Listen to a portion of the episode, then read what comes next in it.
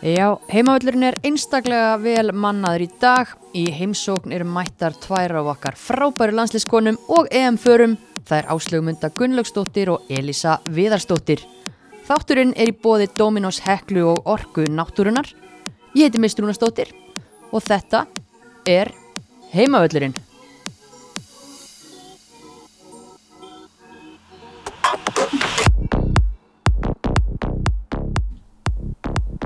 Jæja, velkomnar stelpur, hvað segið þið? Takk fyrir það uh, og takk fyrir að fá okkur. Uh, ég segi bara ljómandi gott. Ég líka. Báðar ljómandi góðar. Já.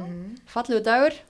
Já, bara mjög góð dagur og leikdagur í gær og báða með sigur og ég held að það geti bara ekki verið betra. Einmitt, leikdagur í gær. Hvernig eru það ekkert þreytar? Nei, maður er svona orðin vannur að spila þétt og þekki sína rútinu og þegar maður fylgir henni þá er maður svona bara nokkuð spregur daginn eftir. Mm En þetta mót, ég meina það er hálnað. Við erum að spila nýjöndu umfyririnn í gær og Elisa, þú varst á Selfossi, Mm sterkur útisigur sem að þið takið þar. Heldur betur, alltaf ótrúlega erfitt að fara á selfoss og fara á grassið og, og mæta þjættu liði um, en bara við erum ótrúlega ánægð með að hafa tekið öll þrjú stíðin með okkur yfir heiðina og, og við þurftum svo sannlega að hafa fyrir þessu. Uh, selfoss bara spilaði ótrúlega skinsaman bolt í gær og voru ekkit að opna sér neitt allt og mikið þannig að við þurftum að hafa mikið fyrir því að, að skora eitt mark og alltaf markinu okkar hreinu en það tókst sem betur fyrr. Svolítið skondið þetta marka að sendirinn komið langt nýra á völlin og leggur upp fyrir hérna vinstri bakurinn. Mm -hmm. Þetta, þetta er vantilega ekki á teikniborinu. Nei, en við erum bara með þannig einstaklingi okkar liði að þetta er svolítið flæðandi spil og við treystum bara hver annari og, og fyllum upp í þar stöður sem vantar og, og þannig bara einhvern veginn myndast góð dýramík og svona sterk liðsild að við vinnum þetta saman og það skiptir raun og verið ekki hver er hvar en, en hérna við erum bara að fylla völlin vel og réttum stöðum og við genum það sannleika er og, og annar rakkel með algjörlega glæsild mark og bara mikið hrós til hennar. Mm Og bara einmitt, þetta var hörkuleikur og, og bæðilið bara spila mjög taktíst og, og, og skipulagt. Minna, þú er búin að vera í þessu lengur en, en hérna margar, þú veist, hvernig finnst þið bara eins og standardin á deildinu varðandi bara taktík leikskipula og hvað liðin eru svona að leggja í leikina? Mm, það hefur stór batnað uh, með árunum og maður sér að, að þjálfarinnir eru orðinir svolítið svona meðvitaðar um það að taktíkinn skiptir virkilega máli og ef maður er með góða taktík þá kemst maður ansi langt. Og eh, bara eins og leikunni gæðir, hann var óbúslega taktískur á báða búa, mér fannst við hérna, spila eh, mjög þroskaðanleik, aðanleik og vonum svolítið að lokka þær í stöðunar sem að við vildum fá þær og á móti voru þær líka að hérna, spila mjög aðanleik og aðavartaleik og vildu svona fá okkur í ákveðin svæð á vellinum.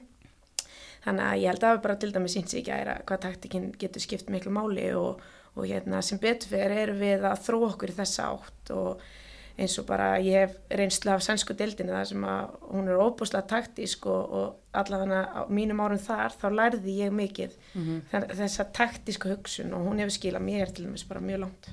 Já, ummitt. Og þetta var hörkuleikur, mér langar þetta að spurja því að það er náttúrulega Eli Metta fer meitt út af þarna í setnihálegnum. Veistu eitthvað hvernig staðan er á henni? Um, hún er viss betri í dag, uh, ég hef ekki hitt hana en hún er betri en það leiti ekkert sérstaklega vel út í gæðir þar sem að hún hérna var að reyna að harka af sér en, en gati raun og er ekki tekið meira þátt í leiknum og þurfti að halda út af en vonandi er þetta bara högg og einhver svona bólka sem að hérna með tímanum og hún verður klár næstu, næsta leik. Akkurat, vonum það. Áslumunda, þú ert búin að vera að fara illa með hérna, mínar konur í þrótti síðustu daga. Hvað, hérna, hvað er í gangi? Já, uh, ég myndi nú ekki segja það. Þróttur eru virkilega skemmtilegar og erfitt leið að mæta. Um, það er spila skemmtilegan fókbólta, um, eru með margskonar hvað maður segja svona leikskipulag sem að það eru bara áútreiknanlegar Mm -hmm. um, mér er bara frábært að sjá hvað þeim er að ganga vel með uh, svo ungan hóp og það sýnir bara að framtíðin er virkilega bara björt Já, við, við þróttar tökum, tökum því en, en ég er nú bara að stríða. En þið er náttúrulega vinni, það er skondið alltaf þegar að lið mætast í byggar og svo strax aftur í deildi eða, eða öfugt og hérna þið sigrið þeirra á förstu daginn og svo aftur í gær. Hvernig, hérna, hvernig fannst þér þessi leikur? Mér finnst það bara góður. Þær gáðu okkur mjög góðan leik. Um, við vorum þéttar fyrir og bara heldum boltanum vel. Um, við komum sér í 1-0 frekar snemma þannig að það, ég held að það hefði hjálpað okkur aðeins bara upp á sjálfsleysið uh, því það er aldrei gott að vera uh, 0-0 eða undir jafnvel á móti sannaliði. Mm -hmm. uh, já, þannig ég er bara mjög stolt af mínum konum. Já, og einmitt skori snemma, það hefur náttúrulega verið kannski svolítið að stríða ykkur að þið hafi verið að spila virkilega vel út á vellin, hafi ekki verið að finna bara nett möskvana hreinlega. Finnst ykkur eitthvað svona léttir í gangi, er ykkur stípla svona, maður að segja, brostinn eða eitthvað svoleiðis? Já, ég sko, þetta var svakalega stípla og það, þetta bitnaði alveg á öllu liðinni, það voru allir ver, vel svektur yfir því hversu erfiðlega það gekk að koma boltanum yfir línuna. Mm -hmm. um, ég myndi segja hún, hún er brostinn og, og um, við erum bara farin að hlaðin mörgum um, alls konar leikmenn hvaða stöðu sem er Hildur Antons náttúrulega að leysa framherja stöðin, stöðina ekkert smável Mm -hmm. ekkert smável, hún er að gera ótrúlega góða hluti sem bara alls ekki sendir að upplægi og er að leysa þetta því okkur vantaði hérna. Bara sendir í rauninni og hún er bara skilin merkum og hvað maður byrði meira frá henni. Nei, nákvæmlega, það er bara frábært fyrir ykkur að ná að fylgja einmitt framistöðunni eftir með, með mörgum og hérna en hvað var ykkur hasarðan eins og Nick félagin minna fyrir gröytt Hva, hvað var í gangi? Ég, ég held að þetta hafi verið frekar harkaleg viðbröð um, ég heyrði þetta ekki sjálf en ég held að hann hafi bara verið einhver smá sáttur yfir um, og þess að við vorum kannski að fá brota okkur en ekki þær og, og öfugt. Um, og hann, ég held að hann hafi snúið sér bara við og sagt F-orðið og það hefði bara farið svona illa í menn og annan Já, já. hvað má engan hasa smá tilfinningar og Já, maður spyr sig. En það er nú ekki, það er nú ekki oft sem að það fara rauðspjöld og loft. Þess vegna ma maður þarf alltaf að hérna, fyrir að velta því fyrir, fyrir sér af hverju. Já, ég held að uh, minnst öðru ég segi ef að fólk er að beina sig að öðrum, það er annar mál. En ég held að þetta hafi ekki átt að vera þannig en ég er það sem sá þetta ekki en ég veit ekki alveg Nei, nei, en það er bara þannig. Þannig að Nick er þá endal í banni á hlýðalínu þegar hann er að mæta ykkur næsta leik. Já, einmitt. það var Edda sem að hérna, fara að garga liðið áfram. Ekki það að hún sé ekki alltaf að því hvort þið er. Nei, nei, ég held að þeir sé bara frábært teimi og þetta Nick frábært þjálfur hefur sínt á sannað og, og hérna hann steg eitt feilspor gær en hann lærir sennilega því kallinn. Já, já, já. En hérna, Elisa Eija Pæja, ég menna, þú ert hérna fætt og, og uppalinn í versmannum og þínar, já, gömlu ekki þínar gömlu konur, þínar gömlu félagar það er hérna, það eru að koma svolítið skemmtilega inn í þetta mót. Já, ég einhvern veginn Íbæða fyrir alltaf bara svolítið svona óskraflað uh, fyrir mót og maður veit uh, lítið um þar, maður veit ekki hvernig útlendingar, uh, þú veist, er að koma inn í lið og, og, og slíkt en mm. það eru bara búin að mynda þarna hörku lið með bæði blöndu af eldri íslenskum eigastelpum og yngri og síðan bara frábærum útlendingum og ég held að þetta er bara frábær blanda sem þau eru að búa til hann í Vestmannum og það er svo sannlega sínt sig, það eru búin að ná í fullt að góða múslindum í sumar og eru náttúrulega bara hann að hálsbreytt frá tóknum sko. Já, ég menna það er vinna þarna afturheldingu í rauninni fyrsta leik gerðkvöldsins og lifta sér þar með upp í annarsætti tímabundið. Mm -hmm. Maður kannski var ekki búin að sjá það fyrir, fyrir Nei, mót. og, og það er nú, mótið er hálnað, það er ekki eins og þetta hafi verið þriðja fjóruleikur í mótið, þetta er, mótið er hálnað og það er ofalega og það finnst mér alveg svona ákveði statement fyrir mm -hmm. liðins íbjöf. Klárlega og hérna bara er gaman að sjá hversu langt það geta farið, farið með þetta. Það er allavega mjög spennandi hlutir að gerast. Mm -hmm. og hérna, já, svo er náttúrulega, þú veist, hörkulíku fyrir norðan og það verðast bara alltaf vera mörg þegar að Þór Káa spilar. Þau eru kannski ekki alltaf kátt með það því þau eru búin að fá á sig allt og mikið af mörgum en það er skora líka og það er alltaf fjör og Þór Káa, Káa er 3-3. Mm -hmm. Þetta er náttúrulega hefur verið svakalegur leikur, maður náttúrulega sá hann ekki sjálfur en, Nei, nei. en hérna mikið um örk og hérna Þór Káa náttúrulega eru að mínum að þetta með mjög gott lið uh, fullt af frábærum ein, enna góðum einstaklingum og geta byggt upp góða liðseld en þær virðist vera að fá að segja svo mikið á mörgum og þurfa að fara að stoppa í göttin þar. Mm Skemmtilegt að sjá Söndrumar í koma aftur. Mm. Það er mjög gaman að sjá það. Frábært að fá hann í dildina og, og bara gaman að sjá hvað er mikið stígandi hennar leik. Algjörlega og það vantar ekkit mörkin hjá, hjá henni, hún er, a, er að skora en það er alltaf bara hellingur af mörkum í þessum leikjum. Algjörlega. en hérna káeringarnir, ég menna verðist líka vera stígandi í Vesturbænum. Eða svona ef Já, marka má bara úslitt Það er einhver á lofti þar og eins og þær hafi fengið svona einhvern, einhvern jákvæðan byr með sér með þjálfariskiptum. Uh, Ég er ekki, ég er alveg sem það að Kar- Kalli gerði góða hluti í Vesturbænum og, og ekkit að, við hann að sakast en hérna það virðist vera sem að það hafi svona gefið þeim einhvern svona byrjundu báða vengi að, að þessi þjálfariskipti og þær séu eitthvað þetta raðinnar.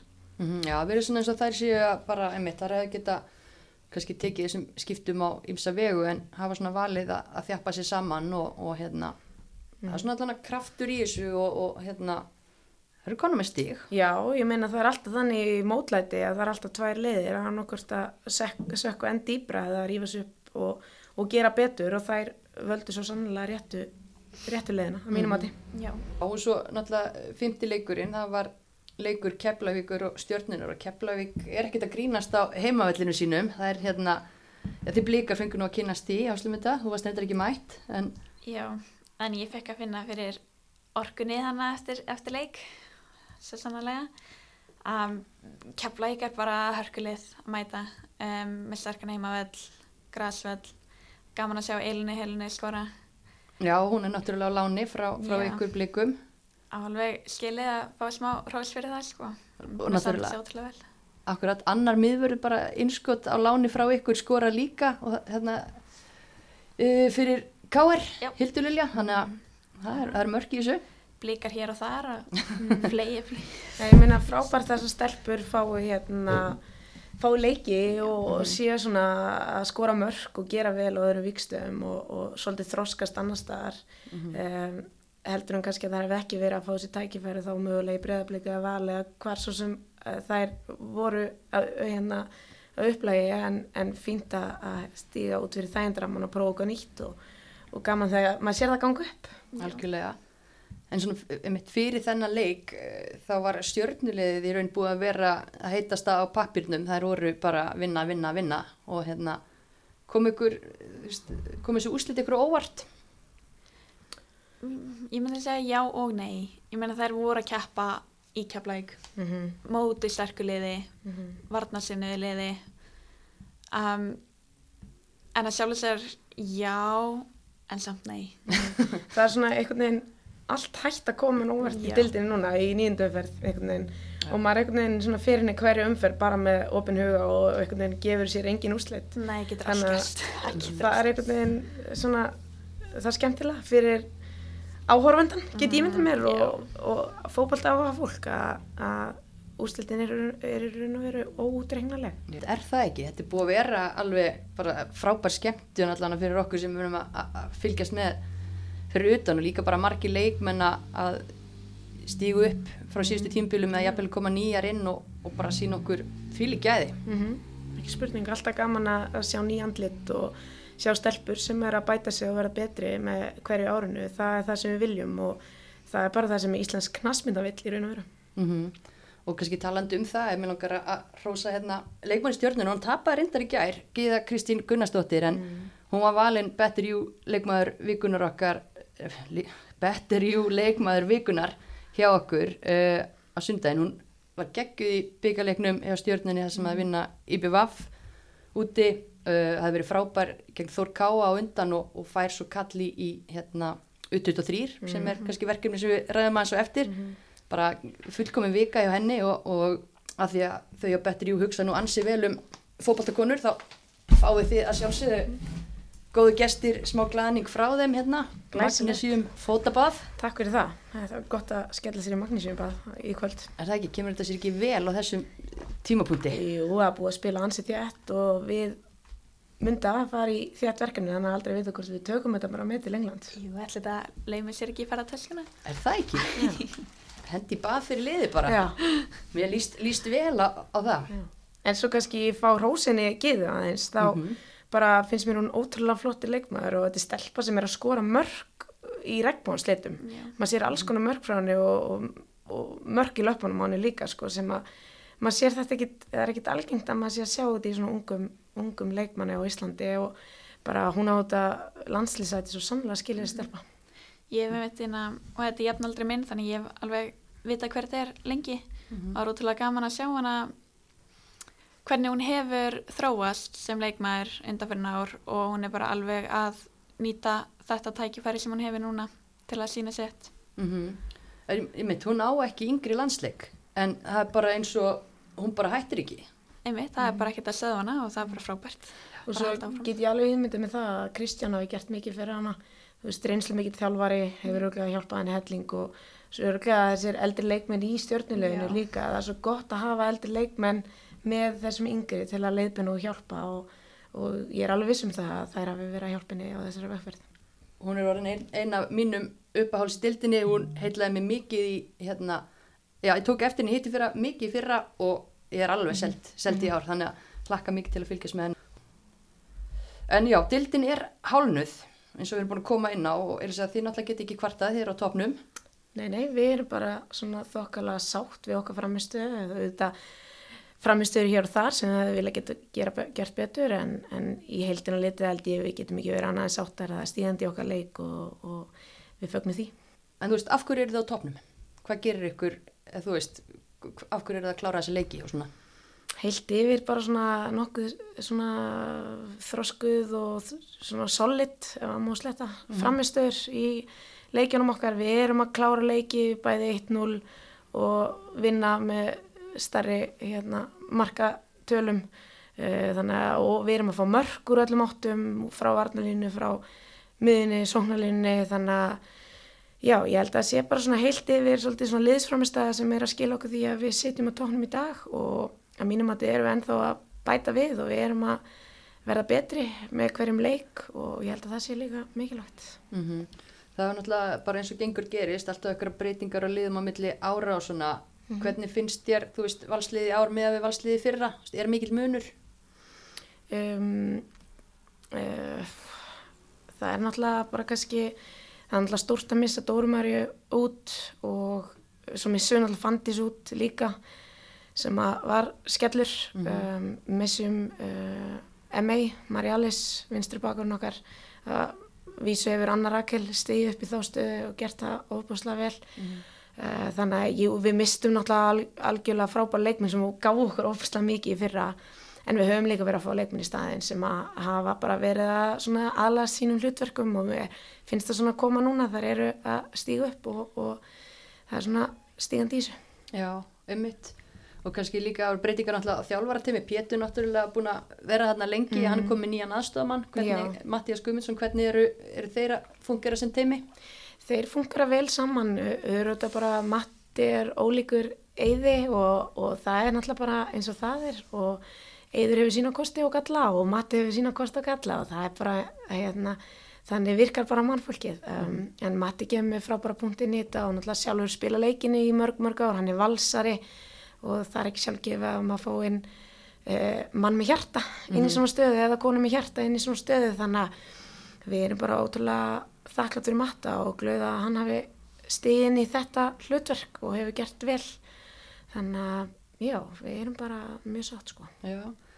Áslumynda, þú ert náttúrulega bara nýlega komin aftur og varst erlendis í, í vetur og, og þú kemur inn í bara svolítið mikið breyttar aðstæður, ekki satt, komin í þjálfari og, og hérna, já, og slatti af, af breytingum á leikmannahóp. Jú, það var alveg smá breyting. Ég er endar í öllum fríum sem ég fekk, hvort sem það var vorfrí eða vetrafrí, þá fór ég á æfingar þannig að ég var aðeins búin að kynast um, stelpunum og þjálfurunum, var í góðu sambandi við þá. En jú, alveg heilmikil breyting, samt sem aður. Mm -hmm. Hvernig finnst þér þetta svona bara, já, vera að smetla hjá ykkur? Já, ég held að það hafa bara tekið tíma. Um, með skóður andi liðinu. Ég held að það hafa bara verið smá svona óþólun, uh, óþólumæði í liðinu. Uh, við vorum, við vorum bara breyðarblik er bara þekkt fyrir að vinna, vinna stórt, skora Mhm. mikið að mörgum og það var bara ekki að smetla í okkur og þá svona kemur smá bara óþægin, óþægindi og óþægileg tilfinning í liðið, Mhm. allt. Um, en mér finnst við bara að vera búin að vera að vinna í okkar málum, búin að slípa hópin vel saman, bara góður leðsandi og það skila sér inn á vellinum líka. Algjörlega og, og nýjir þjálfara, nýtt þjálfara teimi, hvernig, hvernig myndir lýsa þeim, Ása og Kristó? Mér finnst þetta bara góð blanda. Um, þeir eru fínir, þeir eru mjög flottir þjálfarar um, með flottar áherslur og það er alveg alvara í bland við bara smá gleði og smá svona, já, bara, þú veist, eins og Kristó er alveg skemmtileg típa, sko. Maður getur alveg hleyja hann um, um, en svo er þeir þeir vita hvenar á að vera grín og hvenar á að vera alvara og það er mikilvægt. Það er mikilvægt. Ég veit að þið eru ekki sáttar við stígasöfnuna eins og við kannski komum inn á áðan, en er, er hægt að kvarta mikið yfir spilamennskun út á velli? við höfum bara svolítið verið persónulega finnst mér við erum búin að vera að spila vel. Það hefur bara ekki náða að koma boltanum yfir línuna. Mm -hmm. um, vissilega hefur verið eins og leikur það sem við bara hreinlega áttum ekki skilið að vinna. En sem, sem þetta er hefni og óhefni þetta, geng, þetta og ég, ég er ekki að fara að taka af neinum liðum. Lið í þessari deild eru bara þau öll skilið að vera eina frábærir leikmenn og þeir, það er bara eins og spilum múndi val, þetta er bara að skemmtilegast en á sama tíma að leiðast sem ég geri Sammála. en já, bara, þú veist, við höfum mistið okkur um, og við höfum bara fengið þá rafsingu en við höfum líka bara átt virkilega góðan leik en við höfum bara, þetta hefur ekki fallið með okkur Mm -hmm. og maður leita töfluna fyrir nokkur umfyrum, þetta leita ekkit vel út maður ekkit, hefur aldrei bara séð blíkana í, í neðri hluta deildar og eitthvað annað, en nú er deildin hálnuð og þið eru í öðru sæti, það eru bara fjögur stig á milli ykkar og vals. Ég meina, eh, það hlýtur að gefa ykkur svolítið pepp ef þið skoðið töfluna hvernig hún leit út fyrir emitt, x umförðum og, og, og sjá hana í dag þegar það styttist í pásu. Jú, um, jú, algjörlega. Ég, það var alveg mjög erfitt að koma heim og tapa fyrstu tömu leikjunum. Það var svolítið mikil breyting á því síðan ég hef komið í breðableik og fólk var alveg með miklar áhyggjur en á sama tíma þá rifjum við bara upp gamla tíma og við höfum alveg verið að tapa leikjum yfir tímabilinu, það má bara ekki gerast mikið oftar. En jú, við erum bara komin á það gott ról að ég hef ekki áhyggjur yngar. En segð okkur kannski aðeins að því að þú hérna náttúrulega kemur seint inn í móti að því að þú ert búin að vera í háskóla í bandaríkjónum og ekki bara einhverjum háskóla, þú ert í Harvard. Já, Hva, hvernig, þú veist, hvernig er það? hvernig er það? Uh, ekki einfalt, ekki auðvelt. Um, reynslu mikill tími sem ég er búin að upplifa hana. Uh, virkilega gaman.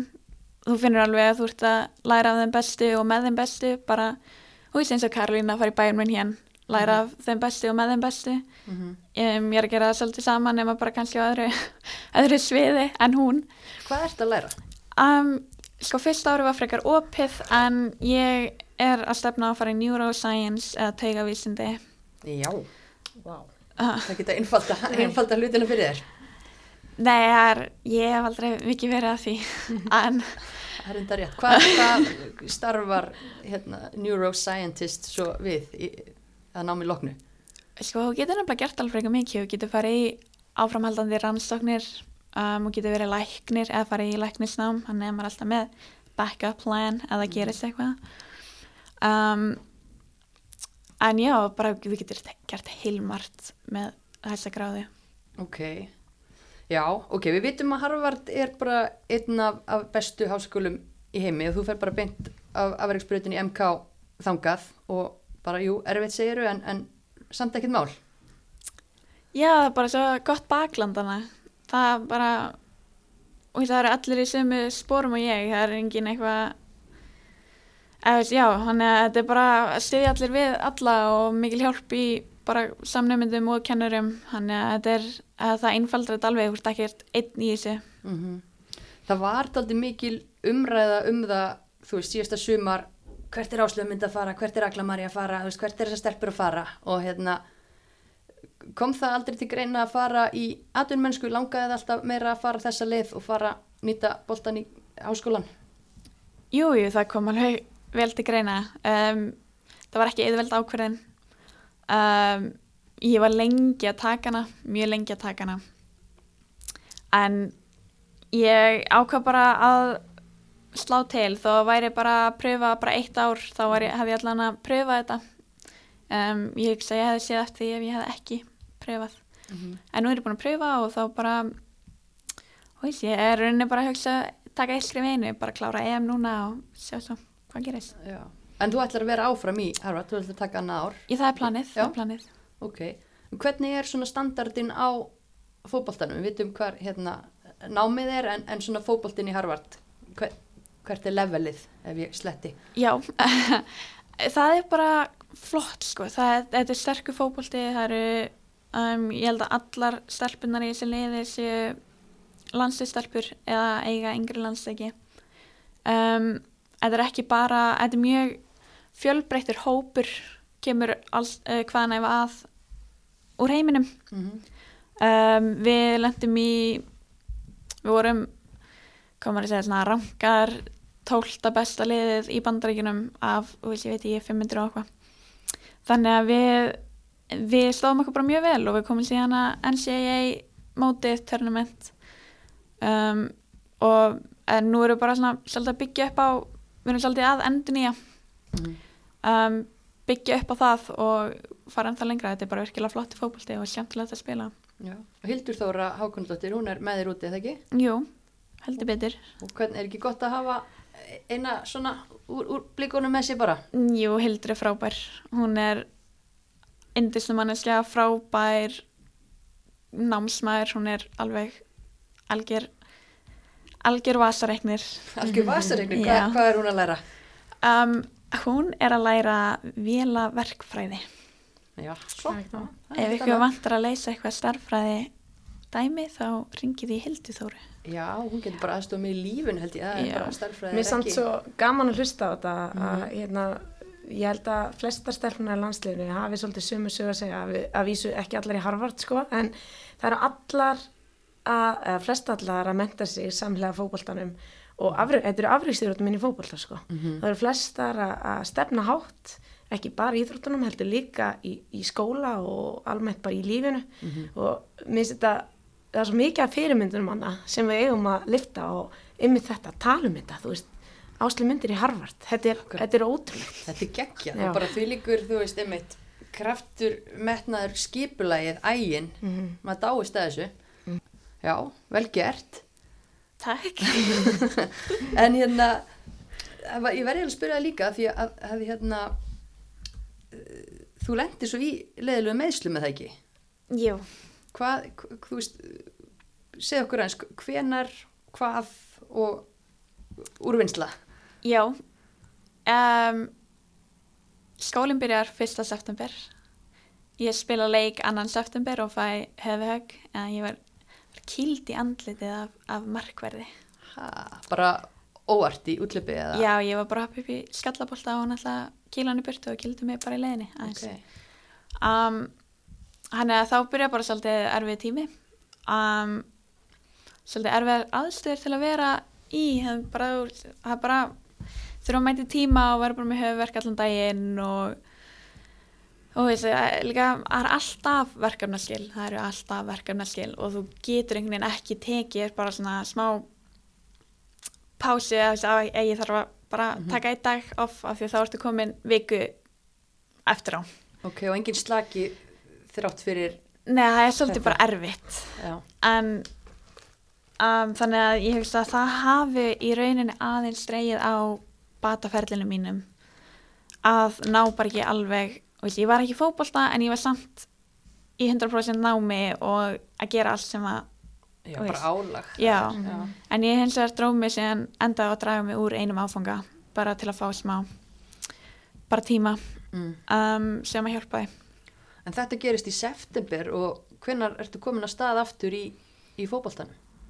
Ég fæ leifi til að fara í kontakt um, í mars Í annars mars. var ég búin að vera bara í snertileysum bolta Þetta er sjö mánuðir. mm en ég var alveg búin að veist, ég ge- var alltaf að gera mitt besta til að vera í mínu besta formi sem ég gat, mögulega gætt verið í á þeim tímapunkti þannig að, já en sjöman er án fótbolta þannig séð Það er klikkun og Elisa, þú þekki nú líka að fara í gegnum erfi meðsli. Mm, já, heldur betur. Um, náttúrulega bara alltaf ákveði áfall að lendi í meðslum sem að, svo sem hver þau eru. Uh, en ég held að sterkir karakterar, þeir vinna úr svona áföllum og komi sterkar tilbaka og ég held að ég get alveg sagt það stolt að, að ég varð betri leikmaður og manneskja og liðsmaður eftir, eftir mín meðsli og ég hefur eiginlega ótrúlega skýta að segja svolítið þakklátt, bara þakklátt fyrir að hafa lendi í svo sín tíma sko. Ummitt, þetta, maður þarf allavega að staldra við heldur betur og, og hugsa á forgangsraða og, og bara svona aðeins að meta, meta hlutina. Já, algjörlega og maður læri líka svolítið að standa á sínum einn fótum. Maður er vanur að mæta á æfingu og þjálfarni segir hvað maður á að gera en svo lendur maður svolítið svona utan hóps og maður þarf bara að gjöra svo vel að finna úti hvernig maður ætlar að æfa þannig að maður sé mögulega best á sig komin þegar maður getur svo byrjað aftur sko. Þannig að þetta er líka svona lausna með að maður þroskast heilmikið á þessu og, og hérna og svo líka bara finnum maður stert hvað maður þráir það veri í íþróttinni þegar maður er kift út svona óvænt sko. Já, ég trúi því. En hvernig er, er staðan á þér? Ertu, ertu alveg búin að jafna þig? Ertu, finnur eitthvað ennþá fyrir sem þú ert að taka tillit til þessara meðsla? Ég held að ég þurfa alveg að gera það. Um, þetta er náttúrulega þannig meðsli að þau eru svolítið óútreiknanleg um, en ég er á miklu betri staðaldur en ég var á og sjúkrateimi hjá breðabliki er að hjálpa mér mjög mikið. Mm -hmm. Þannig að ég, ég er bara á fínum stað, sko, myndi Já. ég að segja. Það er gott. Bara frábæra fréttir. Já. Maður, maður veltir líka fyrir sér bara, veist eins og leikja álægið er búið að vera í, í deildinni heima og svona, því kannski búið að því að þið eru vantarlega í þeim liðum sem eru með stærstu og breiðustu hópana, en þú veist, þetta er, þetta er ekkit grín, hafið þið heyrt mikið af því að leikmenn sé að spila tæpur eða bara vera að tjasla þeim saman til þess að klára þessa fyrstu tíu, móti, tíu leiki móts? Sko ég hef svo sem ekki teirt hvernig öðru liðum hefur gengið að halda leikmennum sínum í, í toppstandi fyrir þess að þvílíku leikja tört sem að hefur verið. Þetta er náttúrulega mjög óalgengt að, að spila svona óbúsla þétt eins og er búið að vera að gera. Jú, þetta hafa liðin sem hafa kannski tekið þátt í mistradeildin og annað, fara lengt byggar, hafa kannski upplifað þetta.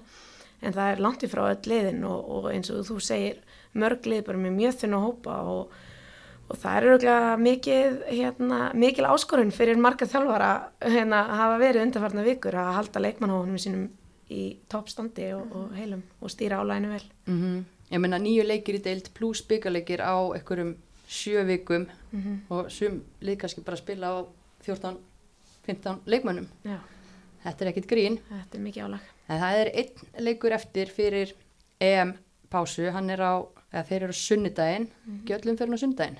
En við keppum á lögudaginn allavega. Já, þá, ok, við, já. erum, við erum á sundan. Þá er ekki öllum fyrir á sunnudaginn. en hérna, þú veist, væntalega bara spenntar fyrir því verkefni og, og svo verður þessi pása, þessi blessaða pása og, og sumir leikmenn geta farið að, að hlaða sig fyrir hérna bara setni hluta móts en, en þið fóðu svo sem lítinn lítin tíma í hlæðslu þegar að fara beint í, já, risaverkefni. Já, heldur betur. Þetta er náttúrulega, fyrst og fremst finnst mér þetta gaman fyrir, hérna, auðvitað vilja allir vera lands, landslýsáknum og svoleiðis en fyrir þá leikmenn sem að fá bara mögulega sumafrí. Ég held að það getur verið svona smá tilbreyting í því og leikmenn komið svolítið feski tilbaka. Ég held að gefi, gefi hérna deildinni eftir frí svolítið svona ákveðið aukalíf eða þannig, svona kraft og orku. Þannig að það verið gaman að sjá hvernig leikmenn eh, komið tilbaka úr fríum og líka, líka áskorun fyrir leikmenn að, að hérna, taka fríunum og hvernig, hvernig, þeirra, hvernig verður æft og annað í þessum fríum. Það er líka spe verður spennend að sjá. Uh, en já, við mynda fáum sem betur verið kannski ekki frí og verður bara gaman að koma til móts við landsliðið og byrja þá aukferð. Mm Og kannski aðeins áður en við komum að landsliðina því að ég er nú búin að, að hérna, nefndi hérna í uppæði þáttara að við erum með nýjan styrtaraðala með okkur, það er samstagsæðala, uh, það er Orka Náttúrunar sem er komin inn í þetta með okkur og Orka Náttúrunar ON, þau standa sjálfsögða baki kr- kraftmiklum knatsbyrnu konum eins og ykkur og ætla að vera með okkur á heimavellinum að fjallum, já, fótbolta og EM, kannski sérstaklega í sumar, EM er nú stóra málið og kannski aðeins að Orku Náttúrunar það er að vesla þeim ramagn um allt land og bara sjálf þá færði ég mig yfir til þeirra fyrir vor og finnst þjónustan gjössanlega geggju, það er 24-7 aðstöði bóði og það fær ekki annar staðar. Og vil bara hvetja fólk eh, til að kíkja á heimasíðuna þeirra on.is, hún er mjög einföld og aðgengileg, allar upplýsingar þar. Og í rauninni get ekki verið einfaldar að færa sín ramags viðskipti þangað. Og vil kannski sérstaklega hvetja einmitt fólk sem á rafbíla eða hybrid eh, bíla að kynna sér onlíkilinn Mm eru Ég- Ég fagnar þessu samstarfi mjög út að ég tilenga mér svona uh, vistvænan lífstil og ek mikið um á rámakslöfbóli þannig að það er aldrei að vita að maður bara að skoða rámaksreikninginu og skipti bara yfir sko. já, ég myndi allavega að mæla með því, það eru góðir dílar í, í gangi, þú hlærið bara mynda Nei, mér finnst þetta er hefur-. Hefur pröfuð svona rámakslöfból? Ég hef ekki pröfað þetta en et- þetta er gott fyrir augun, sko. Já, þetta er aðeinslegt, gott að bara gott fyrir sé- augun Já, gaman að horfa á þetta. já, ok það er óbúslega bara mikil hérna, hugar og í því að setja airpodsin í eirun og negla sér á. Já. algjörlega og ef maður er mikið í því þá er nú um að gera að skipta yfir í onn og, og láta þau sjá um ramagni fyrir ykkur aðtöð þetta. heldur betur og, og svo einmitt ef að þið hérna, takkið þetta skrefi lengra en, en Elisa og eruð á, á rafbíl eða hybridbíl þá eru náttúrulega hlæðslustöðvar út um allt land og bara slatti að hverfa hlæðslum á höfuborgarsvæðinu þannig að það er algjör snilda, snilda að henda bílnum bara í hlæðslu og meðan að þið hendi ykkur í sund eða æfingu eða bara maður kíkir á völlin Við erum að skoða þetta.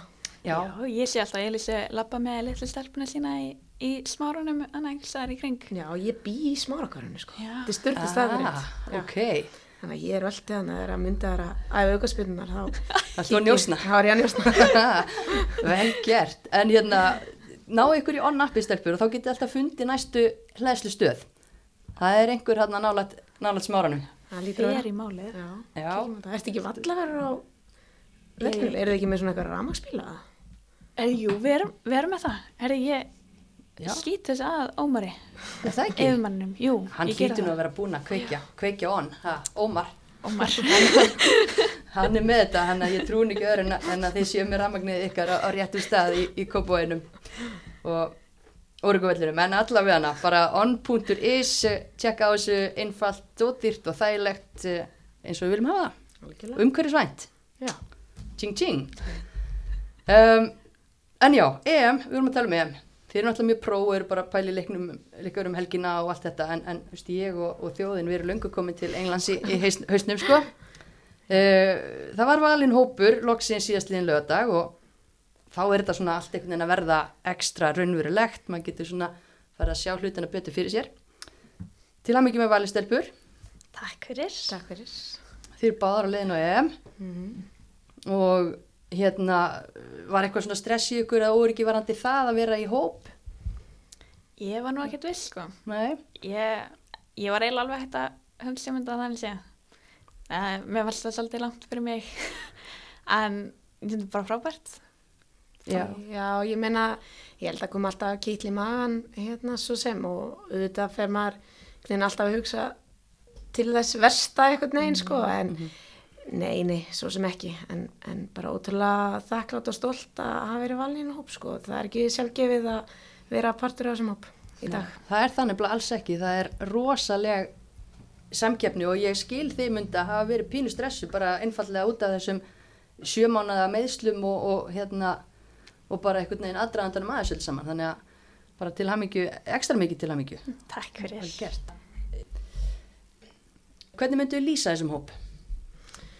Um, ég bara, þetta er ótrúlega samheldin hópur, uh, við erum búin að byggja ótrúlega sterkar liðselt og ég segi það að við getum nána að spila á tveimur liðum sem að Steini treystir og það hefur ekki verið þannig undanferðin ár. Við erum í raun og veru með tvo leikminni hverju stöðu sem að Steini held ég að treysti til að spila alla leiki og það er ofbúslega jákvætt og það er gott að vera í svona samkjöfnisumhverfi svo lengi sem að samkennin sé svolítið bara heiðaleg og, og öllum líði vel í henni um, og ég held að u- leikmenn upplýði sér þannig sko. Já, ég, ég er alveg sammála. Ég var allan að, sem ég veikina það alveg, ég, ég var alveg stressið fyrst þegar ég kom inn í innan hóp og sen, og veist, ég, Hallbera er bara einn skemmtilegasta mannessi sem ég þekki, sko. Hún, Vistu hrættu að náður að já, mættir? já, ég var það. en hún, ég, ég, ég man eftir, hvað, Finnland, fyrsta ferði mín.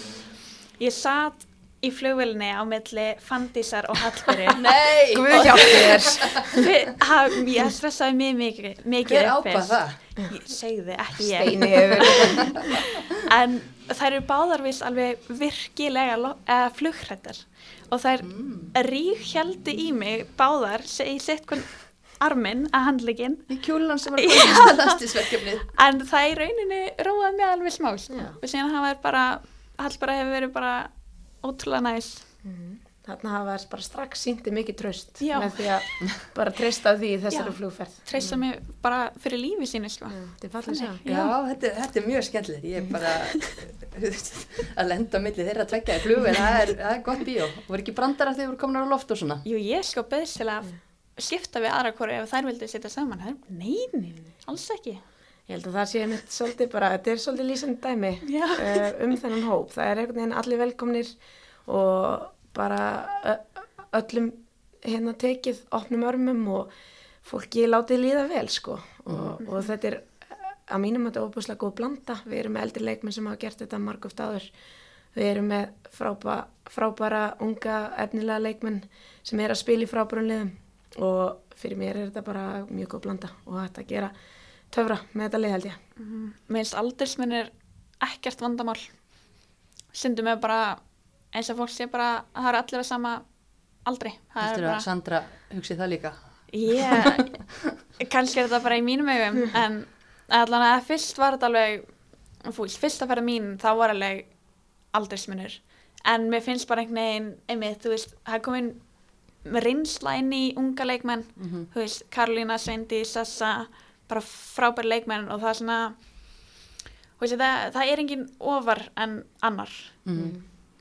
Nei, menn það er frábært og, og út á við þá allavega fær maður þá tilfinningu frá okkur að það sé einmitt þrátt fyrir rosalega samkefni og líka bara fyrir utan hóp leikmenn að heldur betur að, að banka á krafsa sko að, að, Já. að þú veist það sé traust og virðing og, og svona samheldni í þessu.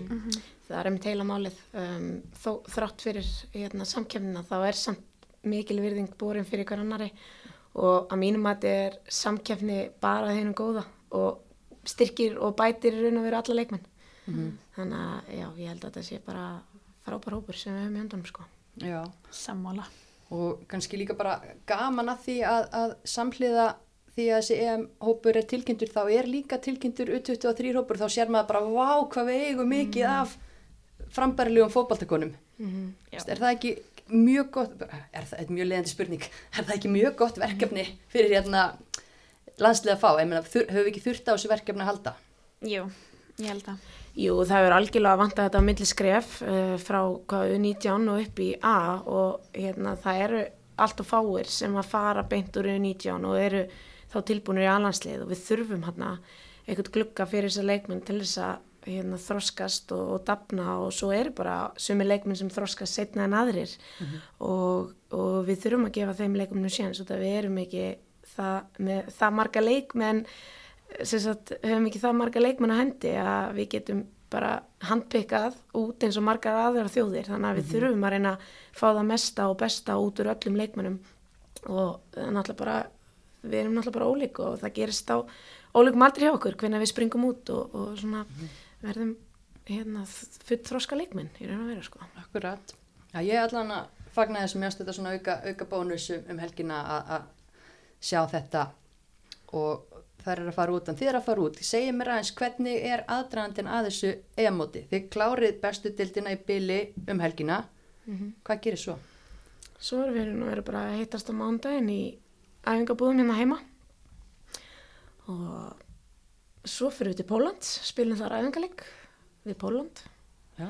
Síðan fyrir við til Þýskalands, þannig að við erum að fara smá roadtripum Nú, Evrópu. Er ég rugglaða? ég veit ekki, þetta eru frétti fyrir mig. En Hvað ég helst þú að vera að fara að gera? Ég veit ekki, bara að, ég veit ekki, sko. Ég, ég held þetta sé, sé rétt hjá, hjá Elisu sko. Ég, Já, og er- Það er svo já, gaman. Já. þá verðum við til Þýskalands og, og svo líkur leiðin bara í alvöruna, í Englandi. alvörin England. Þannig að við verðum hann á smá faraldsfæti og það verður bara gaman og, mun sennilega bara þjátt hópinn og gott Já. að fá góðan tíma saman. Mm Í dag eru 25 dagar í fyrsta leik. Það er slatti en samt svo lítið. En hvað, hérna, hvað segir, hvenar farið til Pólans? Hvenar eru þið farnar af landibrott? Munið það? 27. Já, fyrir 27.. 27. Spilum Ok. 29. í Pólandi. Þannig að já, þetta er bara alltaf... Þetta er alltaf skella brest á. Já, algjörlega. Ok, og eru þið tilbúnar bara í þetta, bara, einmitt, Euro, Eurotrip og, og bara búðir þarna líku við með, með ykkar alansliði? Já, ekki spurning. Maður tekur öllum verkefnum fagnandi og, og eins og ég segi, bara spenna að fá að, að byrja þetta og byrja vegferðina á fyrstu æfingu og svolítið svona stilla saman strengi og fara yfir markmiðin og, og já, bara svolítið sjá þetta svolítið fyrir sér. Ég held að það sé leika mikilvægt að við förum svolítið að setja hugan við verkefnið og Mm uh, til að bara fá sem mest út úr, út úr þessu öllu saman. Já, Ég held að hjálpa við fáum svona góðan tíma saman sem lið. Mm Oft er þetta bara allir fljúa frá sikkurum bara eh, álfum, jafnvel, Mhm. og lenda á einum stað, keppa síðan leik og síðan er það bara búið. já. En nú er þetta svolítið bara að það er hópeflin í þessu og það eru margar æfingar, margir fundir -hmm. Og það hjálpar. Mm Elisa, þetta er þá annað mótið sem þú ert að fara á. Mhm. Hvað hérna svona í aðdraðandunum og annað, þú veist, er ykkur munur á þessu? Um, nei, í raun og veru ekki. Þetta er nú bara svipar því sem að var síðast ég fór og ég náttúrulega tók þátt í löngum undirbúningi fyrir síðast stórmót en mm -hmm. þetta út þarna uh, sent og s- bara þegar bara í mót. Síðast í æfingarleiku fyrir mótið eitthvað ekki, við? Jó, við vorum hann í svona smá træalferð í Hollandi Já. þar sem við vorum að skoða aðstæður og skoða hótel og, og annað og spilum svo æfingarleiku Holland þar sem ég slít krossbundin. Mhm. um, þannig að það var þetta bara mikill skellur um, en nei, nei, þetta er svo sem alltaf bara svipað fyrir utan það að við höfum ekki séð uh, aðstæðnar í Englandi uh, með okkar einu augum við höfum þetta hérna googlað og svona sé þetta fyrir okkur þannig en, en uh, annað er eh, bara óbreytt og, og auðvitað höfum við tekið lardum af öllum stórmötunum sem við för, farið á og það hefur verið nýtt reynsla þeirra leikmann sem hafa farið áður að, að svona hvað getum við gert betur eða hvað var velgert fyrir hérna síðustu mót og, og við erum alltaf auðvitað að reyna að bæta okkur og vera betri í því sem að við erum að gera sko. Ég fór líka til Hollands 2017. Ég meira þess að vinkaði íslenski stelpunum sem sátt í rútinni og þar vinkaði mér líka. Þannig að þetta er aðeins, eh, aðeins erfis undirbúningur fyrir þig. Já, aðeins, pínulítið. Pínulítið. Já, fórstu alla leikina í Hollandi eða? Eh, Ég fór á tvo, ég mista fyrsta. Ok, og þú upplifir þá stemninguna, söngin, trillingin, stuðningsfólkið Já. og umgjörðina. Já, ég, einmitt, þannig að fansjónið og allt þetta. Þannig að nú er alveg spennandi að vera hinum megin við bara allt. Er það ekki? Varstu Já. eitthvað að pæli þessu 2017 að þú ætlaðir að vera með næst eða? Þegar varst að vinka, Nei, Nei. ekki þegar ég var ganga yfir þessa gangbraut og var nýkomin af Gothia Cup með þriðaflokki Völsungs. Nei, Nei. Ek ekki svo mikið. En sjálfsögur er þetta alltaf markmið. En þetta ge gerist allt bara svo rætt, finnst mér. Já, einmitt efnilegasti leikmaður annar dildar hérna fyrir hvað mörgum árum með Völsungi. Hann er að fara á EM núna eftir að hafa vinkað stjörnunum. Já, síðan sá ég, svo ég haldi áfram með þessa sögu, Já. síðan sá ég Hörpi Þorsins líka á einu svona torgi, hún, var, hún, hún fekk að hitta fjölskylduna sína, ég la, labbaði nokkra ringi að svona aðtöð hvort hann myndi fatta að ég var Íslandingur og síðan svona, já, Ah. með stjórnur í augunum þá líka. Það ekki, fyrstu áritun. Nei, að ég vildi ekki trubla hann með fjölskyldunni sinni. Já, ég, ég er ekkert er að trubla, ég er bara aðeins að horfa og síðan fara. Já. ok, en já, það er gott en með ekki hérna ungar fótboltastelpur trubla þig í, sumar eða það rekast að ekkur í torki hvað í krú, Já, það bara verið í krú Jú, eða ekki? ég bara Já. velkomið sko hefur þeir vilja. alveg pottið sko. England. Það er náttúrulega kannski tala um England alltaf sem mekka fótboltans en kannski ekki þegar kemur að knaspinu kvenna fyrir en svona bara uppgangur síðustu ár.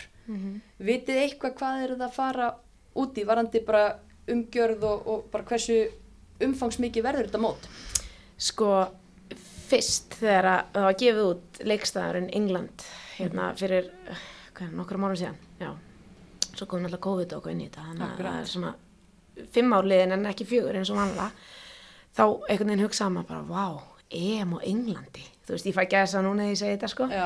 Man finnst þetta einhvern veginn svo stort og maður er við náttúrulega sjálfur frá uh, bass aldrei alltaf fylst með enska fótboltanum. Það er svona svolítið okkar blóði, okkar uh, Íslandingana að fylgjast með enska boltanum og manni fannst þetta eitthvað svo stórt og, og, og svo náttúrulega kannski svo í kjölfar uh, hérna allar þess að fregna með leikvellina og það kæmis bara fjögur smá svo völlin og annars slíkt þá svona fór maður aðeins að setja spurningamarki við þetta, hvernig umgjörun yrðum og ég ger það alveg enn, ég veið ekki henni það að ég, ég set alveg ennþá spurningamarki við þetta og en ég trú ekki öðru en að, en að þeir geri þetta veðilegt og, og þetta verði ekki síð, síðra enn í Hollandi. Ég var nú eins og mynda ég fór nú til Hollands drátt fyrir harmleikin allan og var þar sem áhörfundi og þar var, var þetta stórt og, og hérna vonandi erum við allavega ekki að taka skref niður á við út af við viljum bæta okkur með hverju stórmótinu og bara verða betri hérna bara fyrir bara hvernig karsminni í, í heldið sinni sko. Algjörlega, að því þú segir, auðvitað, þú veist, þú veist í Hollandi, ég hitti nefnilega hana og sýsturinnar á torki og það eru geggjaflottar að gefa fullt af stelpum áritanir og, og taka myndir og svona. Þú hefur þetta hitt okkur? Já, ég fór á rangt torg. Já, ég, ég hef ekki verið hérna Já, en það, þú veist, það er bara, það er geggja, en ég er sammála, þú veist, þetta er pínu svona, svona sérstök umræða eins og nefni með, með hérna, miðafjöldan og annað og, og færri þá að koma stað sem vilja og, og leiðilegt kannski fyrir hinn almenna knaspinu áhuga mann úti í Englandi að geta ekki bara tekið spontant ákvörðun og farið með fjöluna á, á völlin. Akkurat, þannig að maður svona allan að ég segi fyrir sjálfum mig að ég veit ekki alveg svona út í hvað maður er að fara en ég veit að samt innstinni að þetta verður alltaf geggjað. Já, það verður allan að vel mætt af íslensku stuðningsfólki. Mikið lofa eitthvað því. Og það verður, það verður trillt, trillt stemning. Hérna, mótið átt að vera fyrra eins og komst inn á Elisa, Já. svo kom COVID frestaðum ára, er það betra að verra fyrir okkur? Ég held að það sé ekkit vera fyrir okkur sko, við hefum bara fengið lengri tíma með liðið, lengri tíma í svona aðlun, bæði með steina og með þennan svolítið nýja hóp sem við höfum í höndunum. Ég, ég held að sé ekkit rosalega margar uh, ennþá í hóp sem að fóra síðast stórmót, auðvitað er einhverjar uh, en ekki margar, við erum með meiri hlutin svona frekar unga og efnilega leikmenn sem er að stíga sín fyrst skref í þessu. Þannig að jú, ég held að það sé bara gott að við séum að fá aðeins lengri tíma og, og verður ótrúlega spennt að sjá. Mm Hvernig líst ykkur á riðilinn? Þeir eru dýrriðilinn með frökkum, belgum og ítölum Mér líst bara vel á það, sko. Ég, bara frábæri, frábæra þjóðir og skemmtilegir leikir til að spila. Já, ég sammála myndi þarna. Þetta er bara hérna, algjörlega verðir anstæðingar og við þurfum að sína okkar eh, besta andlit á þessum dögum sem við mætum þessum þjóðum til þess að koma okkur áfram og upp úr ölinum en ég held að sé vel gerlegt og Já. ég held að hérna, við eigum séns í öll þessi lið og það verður bara já, ég, ég ætla bara að segja sjónisugur ríkari sko. Já, algjörlega. Ég minna, við þekkjum þessi lið alveg aðeins og sérstaklega frakkan, ég minna, frakkan er náttúrulega verið á öllum stórmótum og við hefum nú alveg verið að, að íslenska landslið að dragast gegn þeim í gegnum tíðina og, og hérna er ekki komin tími bara á að vinna þær. Ég held það, sko. Já, ég held að, sammála því, ég held að hérna að við kannski reynum að setja hérna svolítið allt í leikin á móti belgum og ítölum og, og reyna að ná í bestu möguleg úslit þar og svo var ég bara gaman að hérna get, gera jættil við frakkana eða vinna. Já, frakkan er náttúrulega síðastar. Já, það er náttúrulega síðasti leikur í riðlunum og það var kannski verra ef við þurftum að vera í fara eitthvað ústileik gegn þeim Mm en, en ég er alveg sem að við getum alveg klóra í stíðum út þeim. Já. Já. Það voru við í Ítalíu í fyrra var það ekki? Fyrra voru jafni leikir. Já, það voru mjög jafnir leikir í mitt og ég held að við hefum nú spilað sigurleikin þar allavega og þar fann maður alveg að við ættum alveg hérna, vel í þær og, og það verður gaman að sjá hvernig það fer í sumar. Mm Þekkið eitthvað belgiska liðið? Já, við hefum náttúrulega mætt þeim nokkur sinnum og það hafa nú oftast verið bara svolítið jafnir, jafnir leikir. Mm Uh, ég veit svo sem ekki alveg stöðan á þeim í dag, það er langt síðan að spila á móti þeim, þannig að en ég held við síðans. Já. Allir Chloe vandi veldi fyrir um liðsfélagin, verður hún ekki hópjaðum? Ég hugsa það sko, hún er allan búin að vera í síðasta hópum. Já. Það verður gaman að mæta, mæta henni Já, hún er mjög flottu leikmæður, gaman að spila með henni. og mótinni. Á Og mótinni, sem- já, jú. Elisa, þú getur vátt að vera það, gaman að spila mótinni. Já, gaman að spila á móti það er frábært. En hérna, þú veist, það náttúrulega bara rísa teimi í kringum þetta landslið. Það er ekki bara 23 frábæri leikmenn, það er þjálfarteimi, sjúkrateimi og alls konar fólk að vinna ásynlega, vinna á baku tjöldin. Hérna, uh, þú veist, þetta er, þetta er rísa stórt og hvernig er núna, ég meina, þið er að fara að mæta mánudaginn. Er Stein og fjallar ekki búin að liggja yfir þessu bara síðan það var dreigið? Jú, rúglega byrjaður löngu fyrir sko. Ég, hérna, eins og segir, það er óbúslega stórt og flott heimi í kringum, kringum liðið og það er náttúrulega það sem gerir liðið að liði og liðsheilt að teimið sér stórt og, og allir sé að leggja árið bát og, hérna, og maður finnir það og það er bara í svona löngumóti, þú veist þetta er ekkert alltaf að dansa rósum, við erum að fara inn í langan tíma saman og það er kunst að halda hópnum á tánum og góðum í svona langan tíma. Þetta er ekkert síður hérna andlega mjög flókið oft á tíðum. Og þá er gott að hafa teimi kringu sig sem að hérna, hugsa um okkur dag og nótt. Og sefur og vakir yfir sem þú segir, ég held að þeir séu löngu byrjaðir og, og vita eru búin að læna þessu öll upp dag frá degi mínútu til mínútu sko. Og það er náttúrulega líka bara algjörlega ómetanleg hérna, reynslu og öðlinn sem fælst í því að, að þetta er fjórða stórmóti sem Ísland er að fara á í röð. Og mann finnst það eiginlega bara magnað.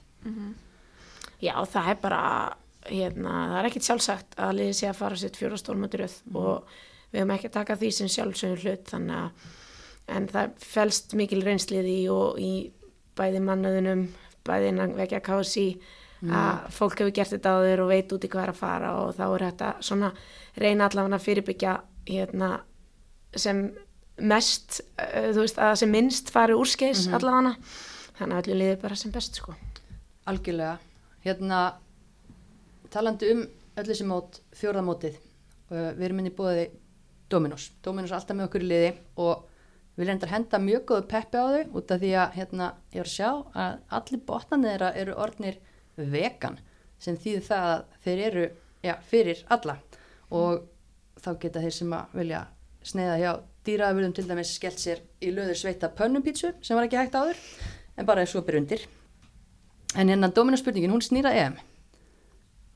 Og ég spyr, hvað eru margar í hópnum í ár sem voru í fyrsta hópnum, ekkit endilega búin að spila öll mótin, en sem voru í fyrsta hópnum í Finnlandi 2009 þegar þú varst átt ára eftir mynda.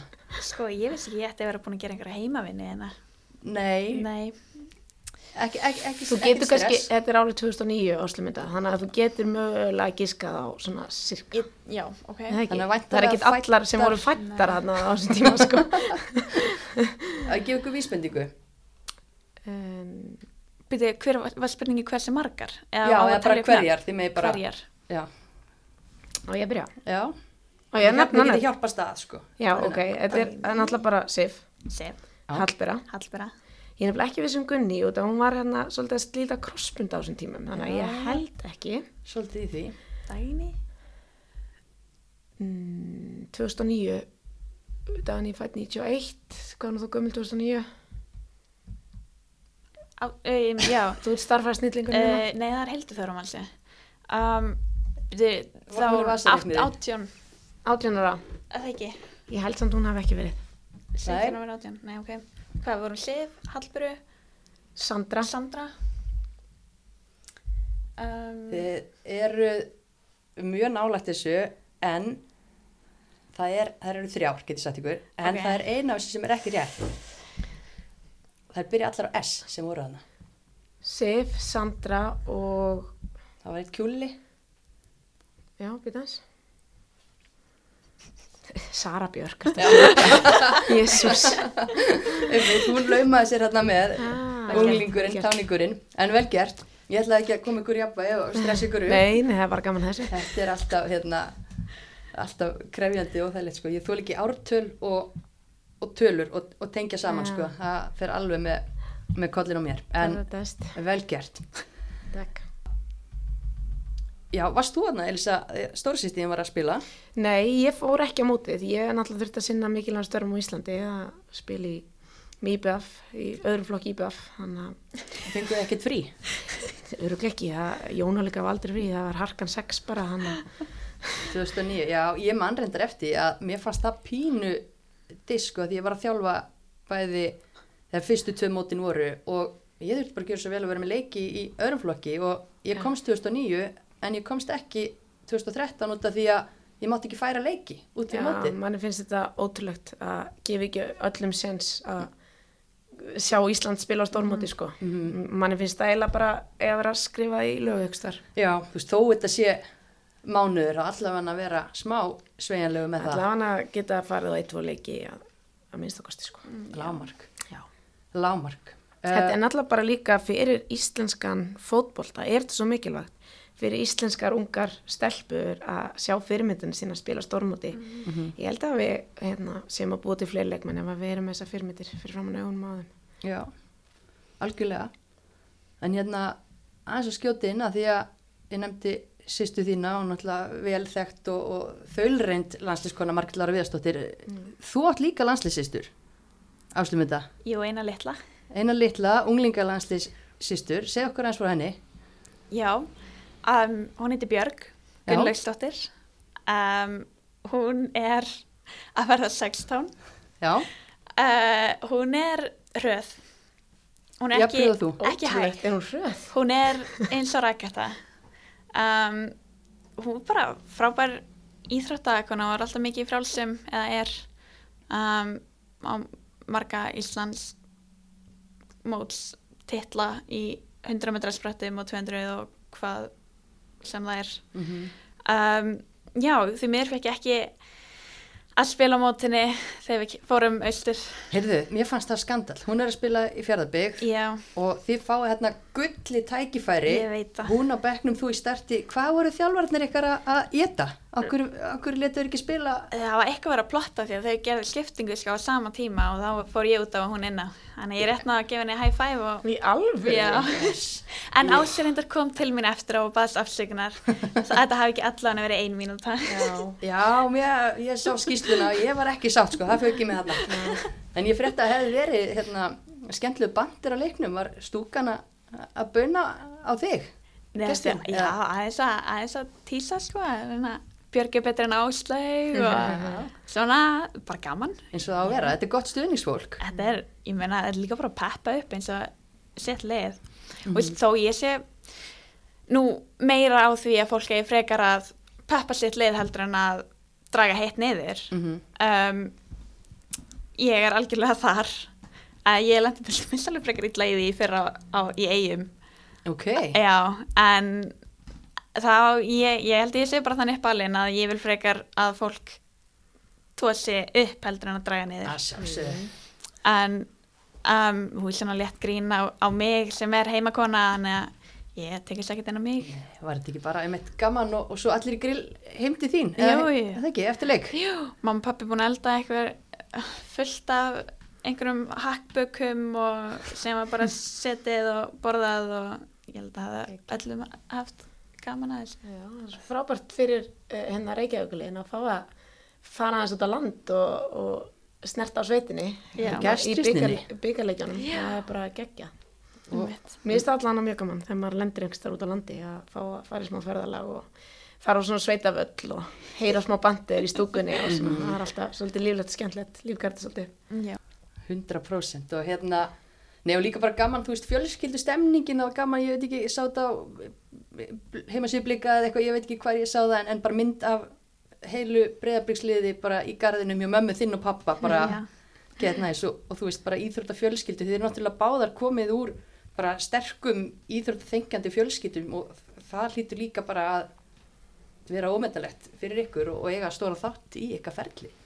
Já, ekki spurning, bara ef ég tala fyrir sjálf mig sko, þá á ég sjálf hérna þrjú sískinni sem voru öll í íþróttum og maður einhvern veginn gati ekki annað en, en svoðast í íþróttinnar og elska leikin einhvern veginn bara svona með þau og í gegnum þau og náttúrulega fóruldrar okkar fóru á alla leiki hvort sem var í handbólta eða fótbólta og maður svoðast bara í nýtt umhverju og líka það hérna, ég held að uppeldi hérna spili stóran þátt í svona hvernig manneskja hérna, maður verður í framtíðinni og ég held að þú verður aldrei afreiksýrjóttamæður í eða afreiksýrjóttamæður ef þú ert ekki með svolítið svona sterkan og heilbriðan grunn bara sem manneski almennt.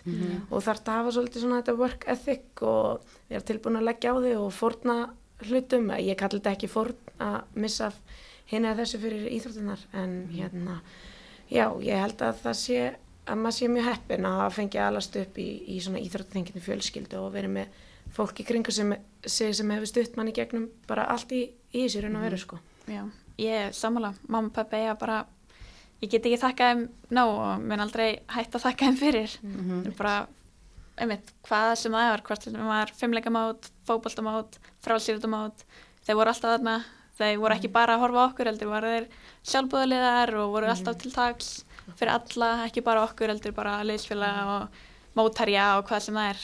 Það voru náttúrulega bara öll sumafrí líka heima á mér skipulöð út frá sumarmótunum. Já. Það var aldrei, maður mist aldrei úr leikaða móti út af það var bara farið í sumafrí og þeim, eða þú veist, það var bara eld, eld, verið eldast við þessi mót sko. Já, og, og hérna það var aldrei, aldrei búið að missa úr eða eitthvað slíkt og, og það er hérna, Nú er það bara frá pæmóti á EM.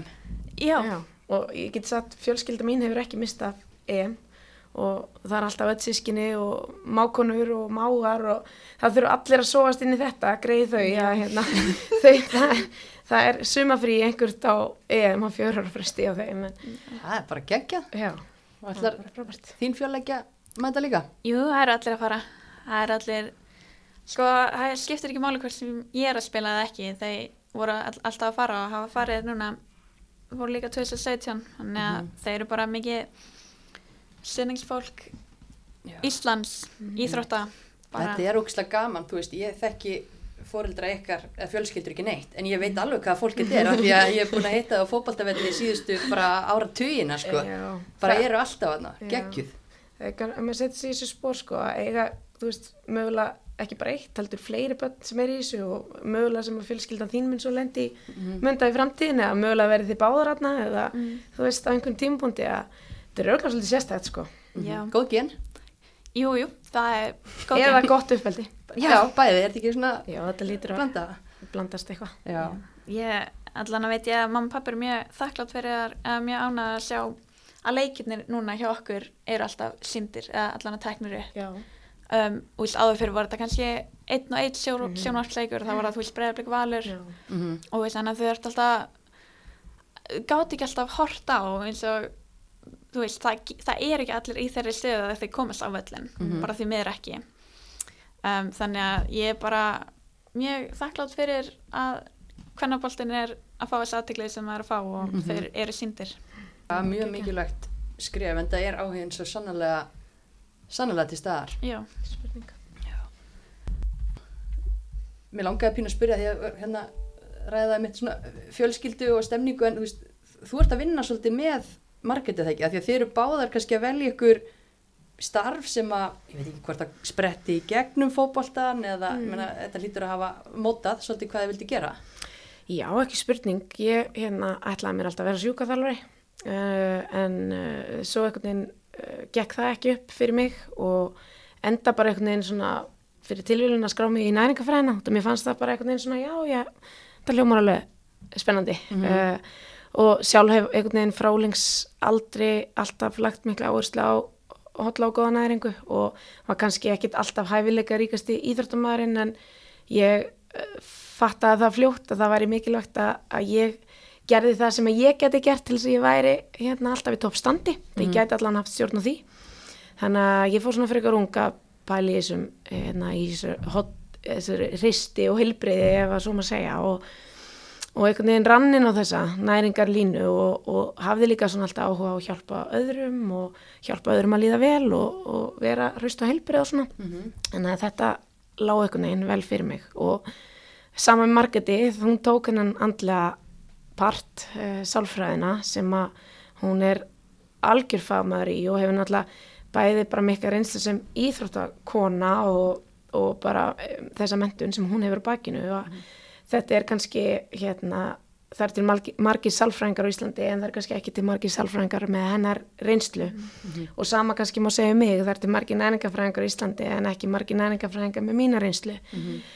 og Við höfum líka bara, við erum náttúrulega bara mikið saman, við erum náttúrulega bara bestu vingunir og eigðum miklum tíma saman mm. og, og, og okkur finnst bara svolítið tilvæglega að geta nýtt okkar krafta saman og, og þá veitum við hversu öflugar og megnuar við getum verið bara einmitt til þess að geta hjálpað ungu, ungu fólki, ekkert bara ungu fólki, líka bara ven, hérna, eldra fólki eða mm. hvað svo sem er og og okkur hefur bara tekist vel til og það er bara nóg að gera hjá okkur í þessu og, og við elskum að, að hérna, fara á staði og, og hjálpa fólki mm -hmm. í svona áttaristu og helbriði. Já, ég er alveg mjög ána með okkur og hýrt bara hérna, hýrt það sama frá öðrum og, og bara flott líka efni sem þú ætti að setja inn á Instagramið þitt og ég tala nú ekki um bókina sem að þú gafst, hérna, gafst út og get hérna, vel mælt með henni. Einfalt, aðgengilegt en bara spot on. Já, takk fyrir það, ég fannst svona takk fyrir það, mér fannst svona vanta pínu hérna eitthvað fræðslefni fyrir unga og efnilega íþróttamenn á svona eins og þú sagðir, hérna svona þessi mannamáli mm -hmm. sem allir skilja og mér fannst svolítið bara kjöru tækifæri, kjölfara útskriftar og, og eins og ég segi með mína mentun og mína reynslu á bækinu að að tvinna þetta saman í eitthvað og gefa frá mér eitthvað efni mm -hmm. og það bara lukkast heldur betur vel og ég er óbúslega stolt af þessu verki og finna að það er margir síns áhuga og það bara gefur mér mikið og ég er mjög þakklátt fyrir hérna svona móttökurnar og þá aðtökli sem bókin hefur fengið sko. Mm. Hvað getur fólk náði hana? Það er bara bæðið að það var samband við mig einnum Instagram og eða sendt mér e-mail og svo er þetta ennþá að kaupa held ég sko. Já, geggjað. Ég mætti heim til Elísu til að beða um að fá hérna persónulega einhandra áriðin á þessa bók. Gaf sér litlu sýstu minni sem var svo ægilega glöð og svo er hún komin í landslýta þannig að þetta bara til að sjá ykkur öskutin það er ekki hundi þóru til að reyna þetta nei, nákvæmlega, ég gæti bara alveg klórum þetta er steinlíkur það er geggjað, þannig að það er já það er nóg að gera hjá ykkur hérna, afrikskonur í, í íþróttum og, og bara gera geggjað hluti utan vallar líka frábært og, og takk fyrir að koma. Við vitum samt að við endum alltaf á hérna förstum lið og það er að velja hekluna. Það er mitt einhver sem er hérna, að gera gegja hluti utanvallar mm -hmm. eða innanvallar eða bæði mm -hmm. og hérna lungu komið tíma á þessa heklu Já. Og við erum að tala um Eddu Garastóttur Vá, wow, gegja, frábært Þetta er svo sannlega skilið en það er búin að það er ekki margi leikmenn sem að eftir fyrirlegin fara í þjálfun eins og þetta hefur gert. Og hún er að leggja svo sannlega sitt á óskálan þar fyrir íslenska kvennafókbalta og búin að gera vel í, í lögadalum mm -hmm. og mínum að þetta hún algjörlega skilið.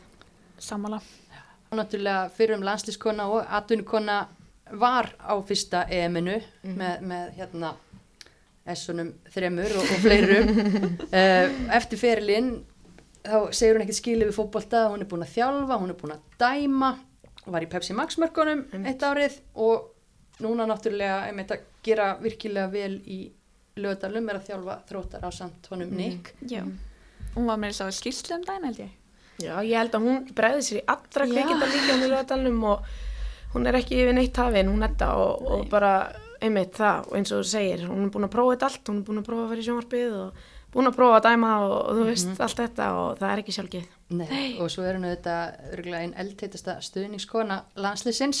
Þannig að, að hérna, það er líka svo mikilvægt eftir fyrirlinna að hérna, slökku ekki bara á sjónvarpinu að hætta þetta á völlin heldur Mm. bara halda áfram og, og hvetja hérna, íslenska landslið áfram í þeirri vegferð sem hún á svo gríðarlega stóran þátt í. Já, ekki spurning, bara geggjað að þetta sé. Fáið þessa tilnefningu. Þetta hekla þáttarins sem er valin alltaf í samstarfi við bíla umbóðið heklu. Til að hafa mikið edda og takk fyrir okkur. Já, og bara já, takk stelpur og hérna maður þarf nú að fara að leipa ykkur heim því að það er aldeilis prógram framundan þið eru að henda ykkur í magnesiumbað fyrir uh, uh, loka leikin í deildinni svo er það bara Euro, Eurotrip Já, það er bara ótrúlega spennandi tímar framöndan. Ég held alltaf að við vorum að tala með Eurovision en já, það er búið. Það er búið, Það er næsta næsta ári Ég ætla ekki að taka þátt í Eurovision. Nei, ekki heldist takk. Kunni ekki okkur hljófæri eða? Nei, ég spila nú á píano. Já, saman hér. Ú, heyrðu verið komið dúett. Þetta er uppslut að ykkur góð allir Þið báðar á piano Hverja myndið velja með ykkur landslið til að syngja? Ég er bara einfalt, Hallburu. Já, Hallbera væri reyndar, jú, Hún var lead singer, það er bara Ok. þannig. Og svo væri við með Karo og einhverjum hann. Svindi sem vill líka með einhverju rödd. Já, já, hún getur við sungið. Svo var ykkur góðir hérna, það verða að vera náttúrulega er- dansarar, svo verða að vera ykkur hérna, hvað heitir þetta, bakradir og Já, já, já. það blásur marg á síðan, við getum, við Þið- förum í þetta. Já, þið te teiknið þetta upp og, og hendiði hugmyndinu svo út í lofti en þetta með tvö píano, þetta byrja strax vel þetta var góður en áður að fara að hugsa um þetta stelpur þá farið á EM og standið ykkur hérna með soma Já, við munum, já, við munum hérna, allan að leggja okkur á óskálunar í að gera Ísland stolt. Spurning. Heru, Takk fyrir að koma og takk fyrir að hlusta. Takk, fyrir Takk fyrir.